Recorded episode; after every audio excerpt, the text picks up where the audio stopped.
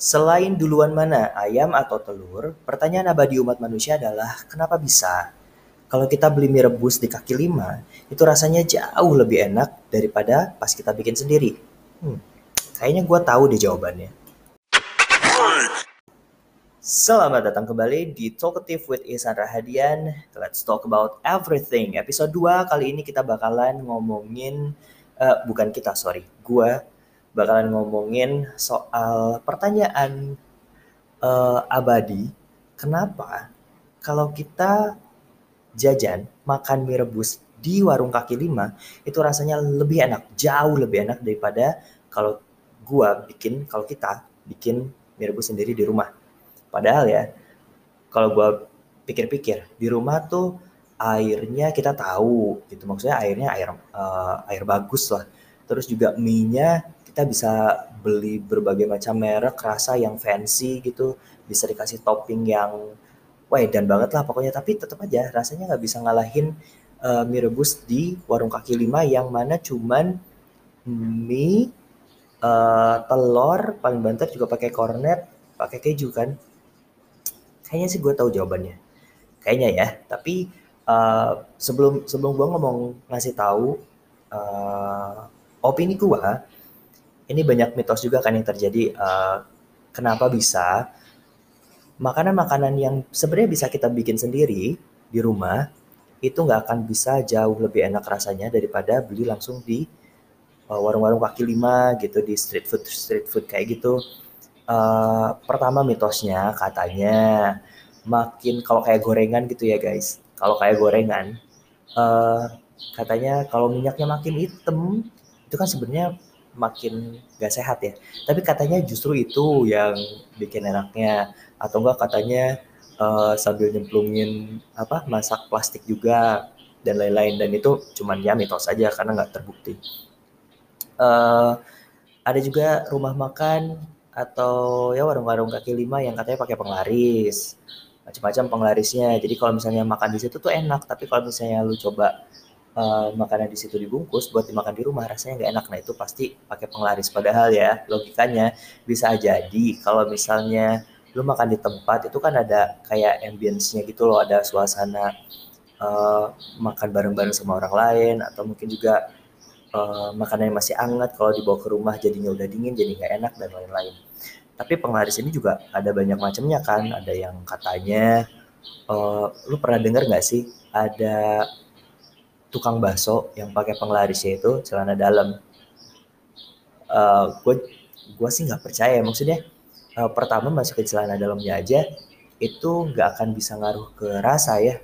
Gue nggak tahu apakah memang uh, rasa bakso ini akan berubah ketika kita masukin celana dalam dengan merek yang berbeda gitu kayaknya kayak GT Man, aduh GT Man tuh kayaknya kurang gurih gitu kekuatannya. Gimana kalau misalnya uh, rider deh rider gitu. Ah rider I I don't know. Uh, eh, gue tuh nggak sampai ya. Pikiran gue tuh gak pernah nyampe ke hal-hal yang kayak gitu gitu. Celana dalam tuh aduh nggak tahu. Nggak um, masuk aja di otak gue nggak masuk. Uh, dia bisa jadi penglaris. Mungkin syaratnya kan tapi ya I don't know. Ada juga katanya penglaris yang uh, pakai bantuan makhluk halus gitu kan. Uh, ada katanya yang kalau makanannya enak tuh biasanya di samping di samping si uh, tukang dagangnya tuh ada poci katanya yang poci malu halus ya. Poci yang uh, ngeludahin piring kita. Jadi rasanya enak men.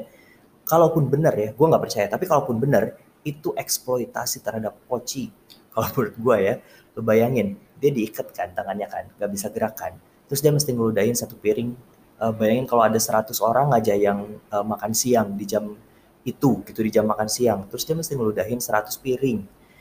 Dia kalau pasti seret kan tuh tenggorokannya pasti seret dia mau minum gimana? Tangannya juga diikat. Jadi ini harus segera dihentikan.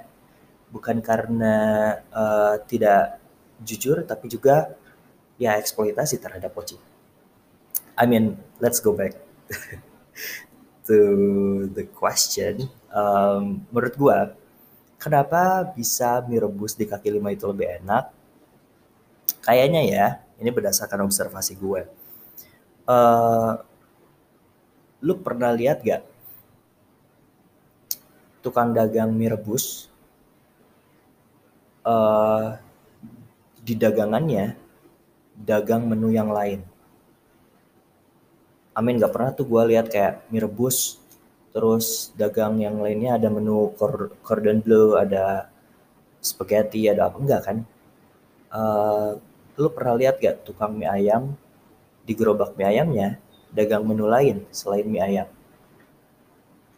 Menurut gua ini yang bikin kenapa makanan gak cuma mie rebus. Kenapa semua makanan street food yang kita bisa bikin di rumah rasanya bisa jauh lebih enak kalau kita makan di kaki lima. Karena uh, one man, one specialty. Maksudnya um, gimana ya? Uh, jadi pedagang kaki lima tuh fokus di satu jenis makanan gitu loh. Makanya enak karena kan otomatis kemampuan masaknya tuh sangat terasah lah.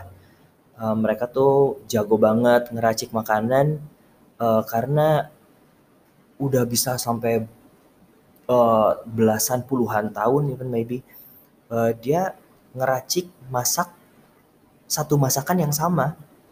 Jadi kalau ada pepatah bilang tuh dulu uh, lebih baik punya satu pisau tajam daripada 10 pisau tumpul. Ngerti nggak daripada lo ngerjain misalnya uh, 10 hal atau 10 menu yang berbeda tapi lo nggak jago-jago amat di 10 menunya itu. Mendingan lo fokus di satu menu tapi lo udah jago banget sampai-sampai uh, makannya jadi lebih enak. Menurut gue itu yang bikin kenapa uh, makanan-makanan kaki lima termasuk mie rebus lebih enak kalau kita makan di kaki lima daripada sama kita sendiri. Karena si emangnya tuh yang masak, sorry, emang atau mbak atau cewek cowok lah, pokoknya pedagangnya itu karena dia udah fokus, cuman fokus di satu makanan itu aja. Gak cuma satu makanan, maksudnya kalau misalnya ada uh, kayak tukang nasi goreng, ada nasi goreng dan mie goreng dua kan, maksudnya tapi uh, dia fokus di di specialty-nya dia itu gitu. Udah berpuluh-puluh tahun berbelas-belas tahun puluhan tahun uh, ngeracik makanan yang sama. Ya mungkin pertamanya juga dia nggak enak. Uh, tapi karena terus terus terus terus terus belasan tahun puluhan tahun sampai dia nemu sampai dia nggak usah ngelihat lagi masaknya kayak gimana sampai dia jari tangan kepatil minyak atau kesenggol panci panas tuh udah nggak nggak berasa. Karena udah dia tuh udah udah udah gokil banget lah gitu. Nggak jangankan jangankan tukang dagang ya. Ibu gua sendiri aja ibu gua ya. Ibu gua sendiri tuh kalau misalnya masak tuh udah nggak pernah ditakar kan. Kayak pakai bumbu secukupnya. Jadi kalau misalnya gua pengen masak tuh pengen belajar. Karena masakan ibu gua tuh enak banget. Gue pengen belajar gitu. Cuman ya itu um, karena berpengalamannya udah lebih dari belasan tahun jadi nggak pernah ditakar cuma kayak secukupnya ini secukupnya secukupnya. Jadi pas gue mah uh, ini gula sekumaha ya secukup nawe uh, kalau ini uh, garamnya sekumahnya secukup nawe ya I mean mah cukup menurut kita tuh belum tentu cukup buat mama gitu. Eh kok jadi curhat? Berarti kan ini selalu terjadi ya sama kita ya sorry curhat colokan dulu. Yang menurut kita cukup tuh belum tentu cukup menurut orang tua kita kan. Kayak kerjaan murid kita tuh kayak aduh kerjaan kita tuh udah cukup banget loh tapi eh men gak boleh. Anak itu harus jadi PNS aduh PNS itu sebenarnya bukan impian impian anak muda kayaknya ya. Maksudnya uh, PNS itu impiannya orang tua kita. Eh by the way let's go back to the question soal mirbus ini. Jadi gitu one man one specialty kalau menurut gue jadi karena udah diracik udah piawai gitu selama puluhan tahun uh, diasah kemampuannya untuk satu jenis makanan dia fokus di satu makanan itu makanya jauh lebih enak karena dia kayak tahu apa yang bikin itu enak. Kayak ibu-ibu kita. Kenapa mereka tahu ini makanan bisa lebih enak buat kita? Karena oh, ini harusnya cuma segini ini harusnya segini. Kayak fokus gitu. Sementara kita kita kan masak mie tuh bukan yang setiap hari bukan yang berpuluh-puluh tahun kita tuh fokus kayak aduh aku harus membuat mie yang seenak di kaki. Lima kan nggak seperti itu juga. Makanya kita uh, akan selalu kalah rasa lah dibanding kalau jajan di kaki lima. Dan kalau ngomong-ngomong soal kaki lima juga soal street food uh, I'm a fan of street food gitu. Uh, selain makanannya udah pasti enak karena ya tadi gue bilang one man one specialty. Juga uh, harga ya kan? Kalau kita makan di street food tuh harganya tuh bersahabat lah. Karim. Tapi harga murah tuh bukan berarti kayak uh, penggemar street food tuh cuman kalangan uh, apa ya ekonomi di bawah gitu. Lu pernah lihat nggak lapak kaki lima tuh yang antri datang itu mobil-mobil mewah gitu? Justru uh, sekarang tuh uh, harga itu yang meskipun murah di kaki lima tapi kalau rasanya enak tuh siapa pun mau beli gitu. Dan kalau kita beli di street food itu sama aja kayak kita ngebantu ekonomi mereka kan. Jadi selain gue yakin selain passion mereka kayak pengen masak gitu pedagang kaki lima juga pasti punya motif ekonomi. Uh, ada anak istri yang harus dihidupi dengan kita uh, bikin eh sorry dengan kita beli street food sebenarnya kita juga membantu gerakin roda perekonomian sih. Dengan tindakan nyata ya bukan cuman kayak sekedar nuntut sama pemerintah. Ah turunkan ini ekonomi the simplest thing to do uh, at the least thing that we can do yang bisa ngebantu ekonomi tuh sebenarnya kita juga. Apalagi kayak pandemi sekarang itu kan Kang Emil tuh uh, Gubernur Jawa Barat pernah bilang Ridwan Kamil uh, yang bisa ngebantu ekonomi Jawa Barat tuh ya uh, kelas-kelas menengah ke atas yang ngebantu untuk belanja ke U, ke UMKM UMKM ke pedagang-pedagang kecil street food uh, pedagang rumahan pokoknya yang kecil uh, apa yang kecil-kecilan untuk jajan belanja di sana. Nah, ini juga mungkin uh, kenapa gue suka banget makan di street food selain uh, rasa harga juga kayak gue tuh man I did a good things. Gue bisa membantu ekonomi mereka secara tidak langsung atau secara langsung juga lah. Gue bisa membantu ekonomi mereka setidaknya. Kalau misalnya uh, lo nggak bisa beli lo promoin lah uh, di sosmed lo. Uh, gue beberapa kali uh, punya teman-teman yang punya usaha juga. Uh, bukan berarti mereka yang punya usaha tuh kayak wah lagi gini malah jualan. Banyak banget duitnya. Enggak justru juga mereka juga sama butuh duit gitu. Dan uh, gue tuh selalu pengen ngebantu gitu usaha temen kayak gitu. Apalagi kalau misalnya uh, mereka baik baik juga sama gue gitu. Uh, gue pengen bantu sebisa semampunya gue kalau misalnya gue bisa beli gue beli. Kalau lagi nggak bisa beli gue selalu promoin di sosmed gue. Uh, bentuknya bisa kayak apa aja. Pokoknya gue promoin gue gue bantu promote at least itu bisa ngebantu mereka dagang. Terus juga kenapa uh, gue suka makan street food dan lo juga harus uh, nyoba untuk suka untuk ngefans buat makan di street food adalah ketika lo makan street food, kebanyakannya sekarang itu kita mesti kayak berburu gitu loh, kayak uh, kayak kayak hidden gems gitu. Kita berburu street food tuh gampang-gampang susah kalau sekarang. Ada beberapa lokasi yang nggak biasa, ada kayak yang nyungsep, tapi tetap aja dicari. Uh, kayak di Instagramnya kuliner Tasik tuh kayak yang uh, bakmi teman itu, gue ngeliatin kan uh, videonya si adminnya dari dari Tasikmalaya menuju ke si bakmi teman itu tuh kayak nyungsap banget belok kiri belok kecil banget jalannya but orang-orang tuh pengen makan ke sana. Karena apa? Karena pengalaman hunting inilah yang nantinya tuh bakalan jadi cerita yang dibawa pulang selain ngisi perut gitu. Jadi kayak eh uh, bakmi teman itu enak loh. Ininya gini gini gini gini gini. Terus di mana? Wah itu pokoknya seru ya kita tuh kayak masuk ke jalan tuh wah itu mah jauh banget bro itu kita kayak bring home the story uh, the experience that we have got. Gak cuman sekedar rasanya juga tapi ada cerita yang uh, bisa dibagikan bisa di bisa diceritain gitu. Sama sama dengan semua jenis destinasi wisata sih. Sekarang tuh kalau yang mainstream mainstream tuh udah kayak ah malas ah orangnya udah banyak orang udah pada tahu. Tapi ketika eh mau nggak? Ini ada air terjun uh, yang belum banyak dijamah sama orang. Oh mau di mana? Meskipun nyungsep kayak uh, butuh effort yang lebih buat ke sana tapi mereka tetap ke sana uh, buat uh, bring home the story gitu. Terus juga apa lagi ya? Hmm, paling menurut gua uh, ada oh ya pengalaman ini ya experience uh, ketika uh, kita nunggu di mejanya. Kita nunggu di meja kaki limanya. Nggak nggak ada meja pun pokoknya kita nunggu di lapaknya.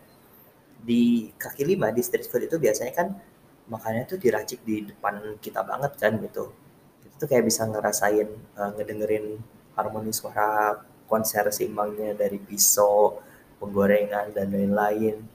Terus uh, suara raungan kompornya suara pisau motong sayuran lain-lain tuh kayak kita in the concept of live cooking yang mana kalau misalnya kita makan di restoran bintang 5 kecuali teppanyaki ya kita nggak bisa tahu oh, aduh ini uh, makanan gue tuh dimasaknya kayak gimana sih? Gitu.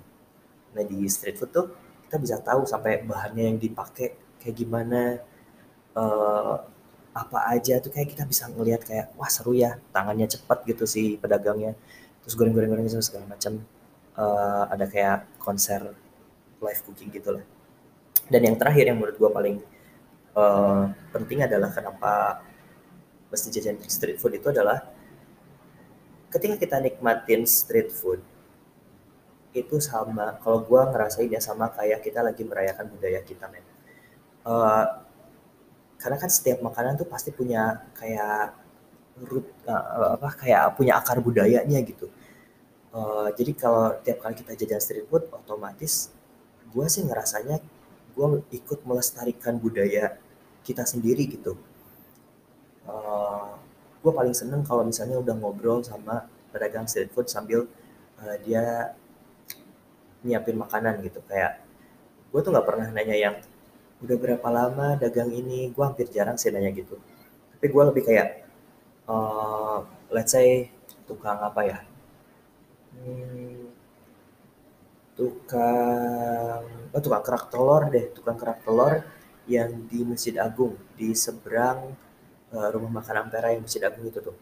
Gue sering uh, beli di situ tuh gue nggak pernah tanya pak udah jualan berapa lama pak? Uh, gue menghindari itu sih. Gue lebih kayak pak ini tuh kerak tuh emang asli ya dari Betawi gitu. Oh iya bapaknya dari Betawi bukan? Terus dia bisa cerita lebih jauh soal itu? Oh enggak sih tapi dulu katanya uh, pernah di Jakarta dan dagang ini juga berapa tahun di sana gitu. Sampai gue tahu uh, kerak telur itu si Mang itu punya teknik tersendiri. Gue lupa namanya tapi kalau misalnya ada yang jajan ke sana coba ditanya deh nama tekniknya. Jadi kayak kayak ditutupin ke apa kayak di kayak di uh, tengkurepin si penggorengannya. Uh, terus dengan api kecil pokoknya itu tuh hasilnya bakal lebih enak bakal lebih bagus daripada kalau nggak digituin. Gue lupa nama tekniknya apa.